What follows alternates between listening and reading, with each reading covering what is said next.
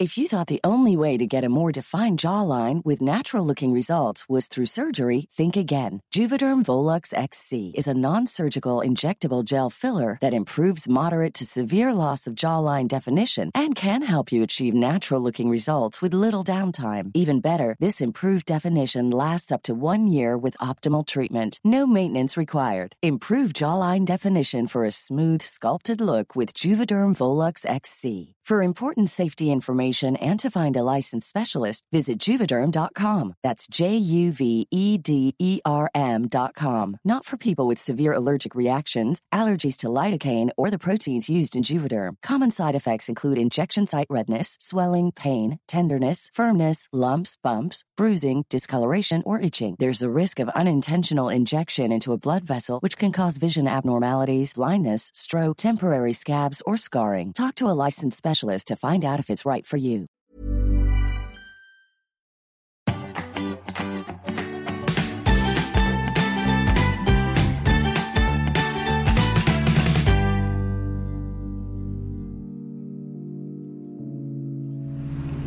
Man er egentlig ikke borte. Man er egentlig bare et annet sted. Hvor tenker du at det er, da? Under jorda. Ja.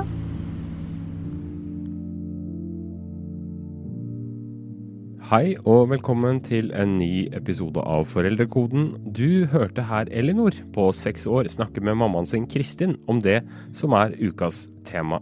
Og du skal få møte dem igjen senere i sendingen. Vi skal altså i dag ta for oss hvordan barn og ungdom forholder seg til døden og andre traumer, og hvordan vi som foreldre best kan hjelpe dem til å håndtere sorgen. Men før vi går skikkelig i gang med dagens episode, kommer det også i dag et lite budskap. Vi er straks tilbake. Barn og unges sorg, død og traumer er altså tema i foreldrekoden i dag. Det høres jo veldig tungt ut, men vi skal prøve å være så konstruktive som mulig, som vanlig. Og for ordens skyld, jeg heter Bjørn Egil Halvorsen, og her i studio er også som vanlig psykolog og familieterapeut Hedvig Montgomery.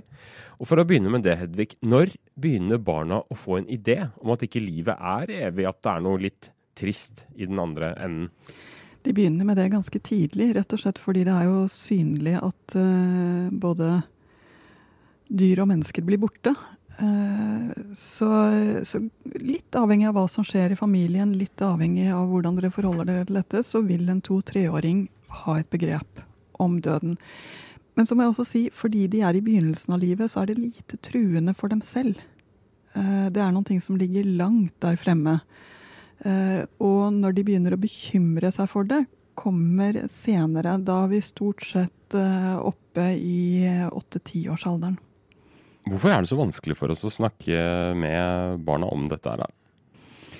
For det første så er det jo et tema som kanskje ikke er så snakke om-tema, men mer et leve med-tema. Fordi det er de, de store spørsmålene dette handler om. Det er det er så filosofisk og så lite svar på det. Hva skjer etter døden? Eh, enten du tror eller ikke tror, så er det jo nettopp en tro. Vi vet veldig lite. Eh, og det å, å, beholde den åpenheten eh, når barna virker som de vil ha presise svar, kan være veldig vanskelig. Hvordan snakker man egentlig med barn om døden? Hva sier man når barna spør eh, kommer bestemor til å dø snart? Nå er det mye som kommer an på alder her. Og de minste barna uh, trenger den tryggheten i at du sier ja, men vi vet ikke når. Altså den Det kan være lenge til. Men de trenger å sitte på fanget. Det viktigste for dem er å kjenne deg i ryggen når de, når de snakker om dette som er så vanskelig. Så har vi, når de begynner å, å komme nærme seg femårsalderen, så går de inn i en ganske filosofisk fase, eh, stort sett. Hvor de er mer opptatt av eh, hvor man havner etter døden, om himmelen, om disse store begrepene. Eh, og de trenger å få lov til å undres, trenger å få lov til å lese litteratur om det, få lov til å lese bøker om det. Eh, de er mottagelige for eh, det uendelige i livet. Eh, og, og spenne opp den himmelen, bokstavelig talt, er noe de søker etter. Så kommer de opp og blir i syv-åtteårsalderen, hvor de blir veldig konkrete. Da er det virkelig sånn kroppen er død, den legges i en kiste, så råtner den bort. Eh, eventuelt at den brennes. De, de, er veldig opptatt av disse nesten morbide, konkrete eh, tingene rundt død. Eh, og vil kanskje for lett slå seg til ro med at og så er det slutt. Eh, så man kan begynne å tenke om, om det har fått en kyniker? Ja, kan begynne å lure om du har fått en kyniker i hus. Og dette pleier å gå over i en alder hvor de blir fryktelig redde for å miste. 9-10-11-åringen er redd for å miste. Redd for at du skal dø, redd for at hunden skal dø, redd for at besteforeldre skal dø. Kjenner veldig på den sorgen som kommer til å ramme på et eller annet tidspunkt. Og trenger hjelp med å ja, igjen kjenne helt fysisk at livet går videre. At uh, du sier at det går bra, at du sier at det kommer ikke til å skje nå hvis det ikke kommer til å skje nå. Uh, at du forholder deg til den frykten som er større enn det som trengs, stort sett. Tenåringer de går stort sett inn i en fase hvor det er så mye kaos inni dem at det er nok for dem å holde kontroll på seg selv eh, i møte med, med, døden. Og her er det ikke en ubegrunnet frykt. Stort sett så er det jo når det faktisk har skjedd noen ting, at tenåringen møter sorg. Eh, og da er det å bevare ansikt og bevare en eller annen form for tråd i seg selv så viktig for dem at det kan virke som de blir helt borte. De vil ikke snakke om det, de vil ikke gråte, de vil ikke dele, når det kanskje er det de trenger mest av alt. Så Interessant at du sier det. fordi da jeg var 15 år, så døde faren min. Og i begravelsen så klarte ikke jeg å gråte. Selv om jeg, så vidt jeg husker, så Jeg tror kanskje jeg prøvde, men det gikk liksom ikke. Så sa en, en uh, faren til en i, som gikk i klassen min at du må, du må, gråte. Men nei, det gikk ikke. Men det var også Og det har jeg tenkt på mye siden hvorfor, hvorfor det, men, men, det rett slett, kan rett og slett forklares av naturlige årsaker. Mm. Uh, så og det er så vondt, fordi når du står der og får den beskjeden 'gråt nå', og du ikke får det til, så føler du deg enda mer mislykket. Det var det som skjedde. Ja.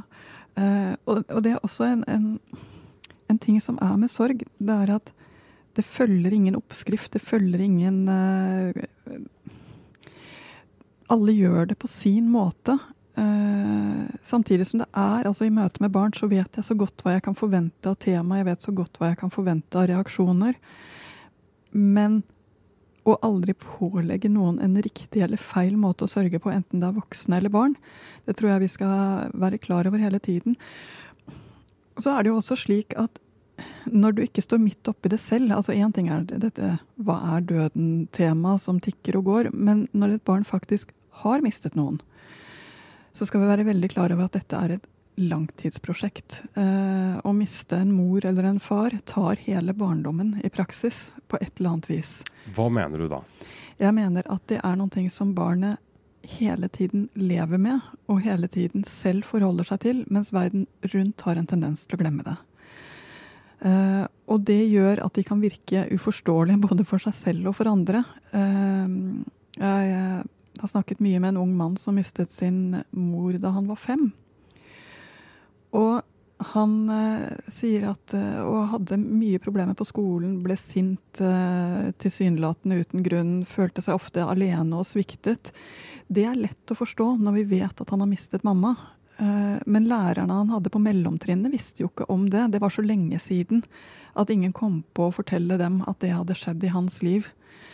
Eh, så på en måte følte han at hans historie ble verken forstått eller holdt. Eh, og at han ble en uforståelig figur gjennom hele barndommen pga. dette tapet. Men hva blir den praktiske konsekvensen av dette? Hvilke ansvar påløper altså de foreldre da, i den sammenheng? At man rett og slett må si fra til omgivelser når det er snakk om skolebytter, når det er snakk om aktivitetsbytter og sånne ting. Mm. Og det er helt matter of factly. rett og slett si til nye trenere eller nye lærere Og forresten, mammaen til Erik døde i en ulykke da han var fem. Av og til så, så er det noe som svinger innom hodet hans. Hvis du har gitt en sånn beskjed, så er lærerne og trenerne plutselig mer koblet på hva som skjer, og det blir mindre uforståelig. Men det blir ikke lett at man blir sånn over hva skal man si, var da? På alle mulige slags uh, avvik? Uh, nei, fordi barn trenger at andre kjenner hele dem. Og en så viktig del av deres historie er å kjenne hele dem. Eh, og det er stort å pålegge barn at de skal presentere alt dette selv. Eh, noen voksne klarer å gi rom for det, men mange gjør ikke det. Så dette betyr ikke at man skal snakke om det hele tiden, eller at det skal unnskylde alt, men det er noen ting du skal vite når du forholder deg til et barn. Hvis vi går litt eh, nedover i eh, alder igjen, eh, altså da fra tenåringer og så litt, litt, litt, tilbake Det mange lurer på, tror jeg, er døden. Skal man si det som det er, eller skal man pakke det inn i historier og, og nesten sånne lignelser, da? Nå må det jo sies at her gjør jo familier litt forskjellige ting ut ifra hvilken kultur de selv og hvilken tro de ja, selv kommer fra. Uh, og det tenker jeg faktisk er riktig, fordi dette er et familieanliggende. Det er veldig, veldig nært. Samtidig så tror jeg at det å eh, være litt mindre bekymret Det er lett å tenke at man skremmer barna så veldig, men ikke skrem barna veldig. Det å si ting om at livet har en slutt for oss alle sammen. Eh, den ligger langt frem for de aller fleste av oss. Eh, hva som skjer da, vet vi ikke helt. Altså Helt sånne måter å snakke på tar barn til seg fra ganske tidlig. Eh, og så som sagt, følg denne lille aldersinndelingen. Vær ganske filosofisk med femåringen. Vær ganske praktisk med syvåringen eller åtteåringen. Demp frykten hos tiåringen. Og gi tenåringen rom til å finne seg selv og komme frem med sine spørsmål. Jeg tillater meg å skyte inn et men, fordi det er jo ikke sånn at barn og unge spørsmål alltid kommer når du venter det. Og det er ikke alltid like lett å ha et godt svar parat. Og det vanskelige er jo det at spørsmålene kommer ikke alltid når man har satt seg ned og har tid. Det her er Kristin Storesen. Hun er forfatter og journalist, og mamma til Elinor på seks år. Og du hørte dem også i begynnelsen av episoden. Kristin jobber som nekrologansvarlig her i Aftenposten. En nekrologansvarlig tar imot de minneordene som kommer, som blir sendt inn, og redigerer dem. Og så sørger for at de kommer på trykk. Så Det gjør at jeg forholder meg til døden litt sånn stadig vekk, da. Det er mange vi kjenner. Husker du hvem vi kjenner som har dødd, Elinor? En bestemor og, og oldefar. Mm. Og så døde morfar før du var født. I vår familie så har det vært mange som har dødd, så vi har på en måte måttet snakke om døden. Eh, faren min døde da jeg var 19. Og så døde min svigermor eh, for fire år siden. Og så døde min farfar eh, for ett år siden. Det vanskelige det er, Vi har et veldig sånn prinsipp om å være så konkrete som mulig. At når det er spørsmål, og ikke begynne med sånn sovne stille inn, eh, forlot oss, sånne ting. At det er liksom døde, at det skal være veldig konkret. Men det vanskelige er jo at barn tenker enda mer konkret enn man nesten klarer å forestille seg. Så det var særlig en gang i vår hvor eh, jeg satt og syklet, hadde barna bakpå hjem, og så, kom, så spør Elinor har du vært med når noen har dødd. Eh, ja, jeg har vært med når noen har dødd. Og da kom oppfølgingsspørsmålet eh, Hvem var det? Og da var det sånn Nei, jeg var med da morfar døde. Jeg var med da bestemor døde. Jeg var med da oldefar døde. Og så eh, kom jo da selvfølgelig spørsmålet Ja, hvordan var det? Og så må vi dele opp. Og så var det sånn Jo, morfar døde da jeg var 19. Og så må jeg fortelle så konkret jeg kan alle historiene. Og hun lurte på hvordan de døde og hvordan det var, og om de var syke lenge. Det var veldig, så jeg satt jo silgråt på sykkelen til slutt. Eh, og bare svarer og svarer så mye jeg kan. Og så til slutt, da jeg var ferdig, så var det bare sånn OK, hva er det til middag i dag? Og du plutselig så sa du Husker du de varme hendene til bestemor? Det sa du lenge etterpå. Så husket du plutselig det når noen dør, så blir jo ofte mamma eller pappa eller begge to veldig preget av det. At det preger eh, Ja, for man er jo i en sorgfase selv. Og i en sorgfase så er man jo ikke alltid den beste til å eh, bedømme eh, hva man skal si, eller på en måte gjøre det helt riktig, for man er i en sjokk selv. Og det merker jo også barn. sånn at hvis man prøver å liksom late som at alt er fint, eller at eh, alt skal være ålreit, så merker jo barn at de voksne er litt annerledes. Det er jo lov å være lei seg. Nei, døden har aldri vært lett verken å oppleve på nært hold eller å snakke om det. Og sånn må det kanskje være. Det vi vel kan konkludere med, er at en av de viktigste foreldreoppgavene er å dempe barnas frykt, uten å ljuge. Men hvordan gjør man egentlig det med f.eks. en tiåring, i en alder da barna kanskje er som aller reddest? Tilbake til psykologen Tilbake til Hedvig om et øyeblikk.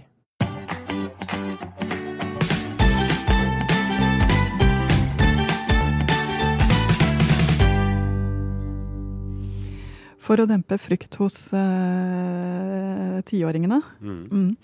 Eh, det er for det første å faktisk forholde seg til sannheten. Eh, hvis det er noen i familien som ligger for døden, så må du forklare at ja, sånn er det. Eh, med bestemor eller med mor. Men det betyr ikke at alle andre gjør det. Altså, vise frem noen ting om, om sannsynligheten.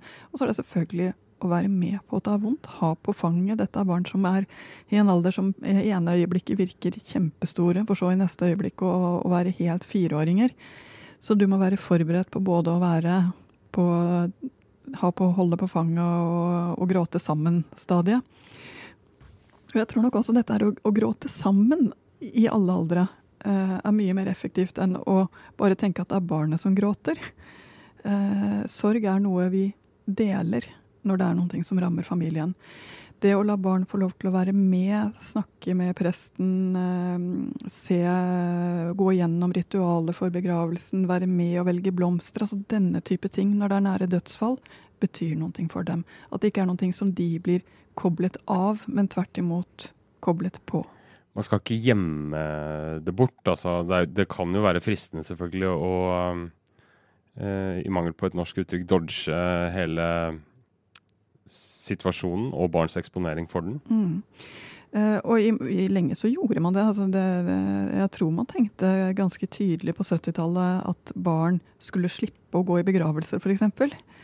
Uh, jeg opplevde selv at det var nære i min familie som døde, men jeg skulle ikke være med i begravelsen, for der var ikke barn, ble jeg fortalt. Uh, og da går jo barna glipp av det ritualet som begravelsen er. De går glipp av det ritualet det er å eh, avslutte og si at nå er det dette som har skjedd. Eh, så det gjorde at jeg ble gående med, med, den akutte sorgen lengre enn de andre i familien. Og det ser jeg at det skjer i familier hvor, hvor barna ikke blir tatt med på den, det ganske gjennomtenkte sorgritualet vi har i kulturen vår.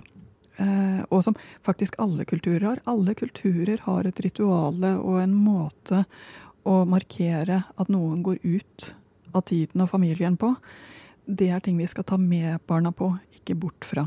Er det noen typiske feil man, eller feller man går, kan gå i? Eh, jeg tenker vel at det er eh, Ja, det er klart det er det. Og det er helt forståelige Så jeg vil nesten ikke engang kalle det feil, men det er så forståelig. Eh, hvis det er en nær i familien som er død, så kan det være veldig vanskelig for, for den som fortsetter å leve, enten det er en nær besteforelder eller det er en forelder. Og sorgen kan kjennes så overveldende og så sterk for den voksne at det rett og slett er vanskelig å holde en hverdag i gang med frokost, matpakker, eh, middag på bordet, lekser som blir gjort, eh, aktiviteter som blir fulgt opp. Eh, det å finne sine støttespillere, om det er en sorggruppe, om det er presten, om det er noen i familien som du får lov til å, å være med og som også noen kanskje som kan hjelpe litt praktiske perioder. Eh, det betyr noen ting. Eh, for barn trenger, etter at en stor sorg har rammet familien, både å sørge, men også at livet går videre. De er fortsatt i starten av livet, og det er veldig viktig at, at hjulene holdes i gang. Så jeg vet hvor krevende dette er, men jeg vet også at det å finne noen kloke som voksen som du kan eh, være nær selv, sånn at ikke barnet blir din nærmeste sørgepartner. Du må klare hverdagen. Det, det er selvfølgelig ett tema. Eh, et annet tema er eh, at sorg tar så mye lengre tid enn det vi som ikke har mistet noen, liker å tenke. Vi liker å tenke at etter ett år så går det vel bra. Uh, og mange opplever jo det når de har mistet noen, at de etter tre måneder får nærmest 'nå går det vel bra', vel spørsmålet. Det gjør det jo ikke. Uh, og spesielt ikke når det er nært. Det tar veldig lang tid. Uh, så det å huske på at dette er en del av familien, dette er en del av det vi har opplevd sammen, det å lage rom for at det ligger album, at det finnes bilder, at den som er eh, død, blir en del fortsatt av familien og samtalen både for dere og for barnet. Jeg blir ofte spurt om det. Må barn snakke? Eh, barn snakker jo bare når de selv vil, og de snakker gjerne i korte eh, situasjoner, 30-40 sekunder av gangen. Men de 30-40 sekundene er veldig viktige. Mm. Uh, og det, det, å lage rom for de 30-40 sekundene, det betyr noen ting. Hva mener du da egentlig? At når du ser at barnet detter litt sammen etter en middag hvor, det, hvor den tomme stolen kanskje blir litt for påfallende, litt for mye, at du sier dette, 'dette ble tungt for deg', og barnet sier ja, noen ganger så kjennes det ut som hodet mitt skal gå i stykker. Hjertet mitt også. Og du sier 'jeg vet, sånn kjennes det ut for meg også'. Altså det å koble seg på barnet når det har den opplevelsen, ikke bare den første tiden, men også ett år eller tre år etterpå. Det, og for den delen ti år etterpå. Dette er noen ting som er en kontinuerlig prosess, og som gjør at barnet får lov til å holde en nær person i hjertet sitt eh, som eh, kanskje er det vakreste og det mest menneskelige vi gjør. Um, men kan det bli for mye at man tar hensyn til, uh, til et barn da, som har mista noe? At man liksom er overdrevent uh, hensynsfull? Altså Her er det jo to ting å huske på. Det ene er at når barna ikke følte det du antok, så kommer de til å si det. Nei, det var ikke det. Eh, og da er jo det good to go. det andre det er at barn trenger at hjulene holdes i gang. At det blir en hverdag, at ting skjer. Eh, så du må både gi rom for sorgen, men også gi rom for livet og hverdagen. Eh, du må gi rom for at dette er noe som har skjedd, og som alltid kommer til å være med oss. Og at livet skjer her og nå og går videre og fører med seg latter, eh, nye ferier, nye minner. At ja, altså det er som du sier, Kan man låse det fast sånn at det blir den eneste historien? Ja, det er nok teoretisk mulig, men jeg har aldri sett det. Når jeg ser barn, så er det det motsatte som plager dem. At alle rundt dem er for opptatt av at nå er det vel gøy. Eh, og det skal være gøy også. Eh, men de må få lov til å legge historiene lag på lag, side om side, og lage denne veven som livet er. Eh, og det bringer meg kanskje inn på den siste eh, tingen som jeg ser at barn sliter med. Og det er at hvis de har mistet en forelder, så går det kanskje et år, kanskje to. På et eller annet tidspunkt før eller siden så kommer det inn en ny partner til pappa eller mamma. Som er fint. Eh, fordi det er fint å se at foreldrene blir glad igjen. Det er fint å se at, at nye ting skjer i familien. Men og det er et men her, det er at det å komme inn som ny partner i en familie som allerede finnes, det er aldri lett. Og de aller fleste som kommer inn som ny partner, enten det er uh, tidlig eller sent, kjenner jo litt på hvem har vært i denne, dette huset før, hvem har sittet i denne stolen før. Og sjalusi på tidligere partnere er ikke mange som går fri for denne ikke spesielt eh, sjarmerende uh, følelsen. Uh, det er bare det at er det et barns forelder som er borte, så tåler de ikke sjalusi mot den døde forelderen. De tåler ikke små stikk, de tåler ikke at den nye prøver å gjøre seg bedre, de tåler ikke at den nye sammenligner seg. Så kommer du inn som ny kjæreste i en familie hvor det finnes et tomrom, så skal du ha respekt for den forelderen som er borte, eh, og både klare å det at det har funnet noen før deg, er ikke noen trussel. Eh, klare å håndtere din egen sjalusi, at det var fint da også. Eh, og, og, klare å, at barnet snakker pent om sin mamma eller sin pappa som var der før deg. Det som jeg tror mange kan kjenne på i, i tunge perioder, det trenger ikke være død. Det kan være venner som blir syke, eller altså eh, Når man føler at nå ble man trist, eh, og så vil man helst ikke vise sorgen sin overfor barna. Kanskje fordi de er små og ikke skjønner hva, hvordan ting henger sammen. Kanskje de bare ikke vil gi dem noe påføre noen tristhet, eller ikke vil vise i veldig store anførselstegn svakhet, da. For det er det jo virkelig ikke. Men eh, er det en feil tankegang? Altså, jeg vet ikke. Min eh, kloke mormor mistet eh, mannen i sitt liv så altfor tidlig. Uh, og når vi var sammen og var i situasjoner hvor jeg tror det var det som, som kom innover henne, så, så gråt hun. Eh, og så kom jeg bort til henne og spurte gråter du, og da så sa hun nei, jeg er bare litt fuktig i øynene. Ja. Eh, så hun prøvde da å pakke det inn. Eh, men jeg må jo si at jeg skjønte godt at, eh, at dette var noen ting som krevde at jeg la hodet mitt mot eh, brystet hennes. Eh, og at hud mot hud var det som hjalp henne. Eh, det ga meg vel både et nært forhold til henne og et nært forhold til eh, det å, å ha en sorg. Som jeg tenker at jeg på mange måter har hatt nytte av hele livet. Um, jeg, altså det å dele følelser i en familie gjør oss sterkere og gjør oss nærmere. Mange opplever jo, altså i løpet av 20 år som en barndom er, så vil det skje ganske mer eller mindre triste ting. Det kan være en forelder som uh, får kreft, det kan være uh, forelderen til en i klassen som uh, blir sjuk. Det kan være så mange ting. Men som forelder skal du alltid være forberedt på to ting. Det ene er å snakke om det som er viktig for barnet, og, og undres sammen med barnet, også når du ikke har svar. Og det andre, det er eh, at det er tross alt håp og eh, nærhet som eh, driver oss videre og gjør livet verdt å, å leve. Så hver gang du kommer opp de vanskelige tingene, så er det en mulighet for mer nærhet, ikke mindre. Og det er en mulighet for å dele håp eh, og vise at livet er en, et godt sted de dagene vi har det. Da skal vi ha dagens spørsmål.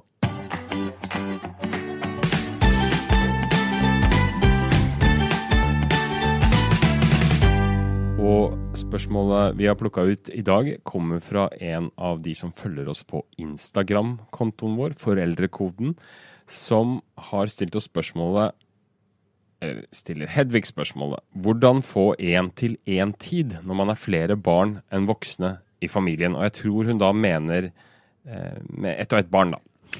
Ja, det, det, å ha mange barn gjør at man til tider føler seg helt dratt og helt utilstrekkelig. Og så kommer noen og sier at attpåtil er det viktig med å ha tid alene med hvert enkelt barn. Eh, så kan man jo kjenne at utilstrekkeligheten gnager opp på et nytt nivå. Men det er sant at det er viktig å av og til se barnet sitt i øynene, bare dere to, og uten at det skjer massevis av andre ting rundt.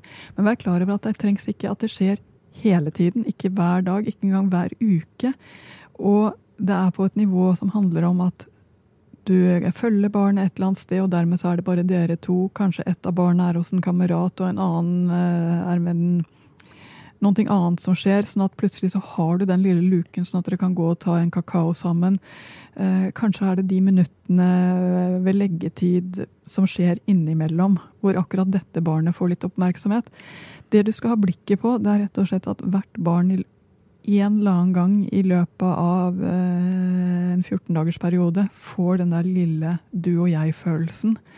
Eh, og den er, det er tre minutter det kan ta eh, hvis du er oppmerksom på at det faktisk er det du gjør.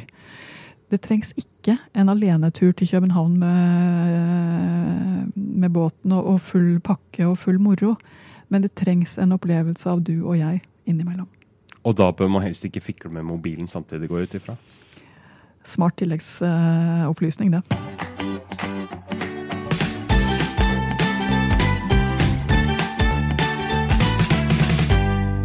Ja, Hedvig, da er det på tide å oppsummere. Hva er det viktigste å huske på eh, i møte med døden og eh, barnas forhold til den? Eh, det viktigste er å være klar over at dette er viktig også for barna. Og at de undrer seg over det og trenger å snakke om det. Litt avhengig av alder og litt avhengig av nivå. Men dette er en del av det du må, som voksen må være forberedt på å ta inn i, i det som skjer i familien. Og hva er, no, hva, hva er, den viktigste fellen man helst bør unngå? Det å huske på at en stor sorg alltid vil være en del av livet, både for voksne og barn. Eh, og ikke gå i fella at 'nå går det vel bra, vel', eh, er, når alt kommer til stykket, den viktigste tingen å huske på. Da ble det siste ord i denne episoden. Håper at dette var til nytte. Så høres vi igjen neste mandag, for da slipper vi ny episode. Takk og ha det.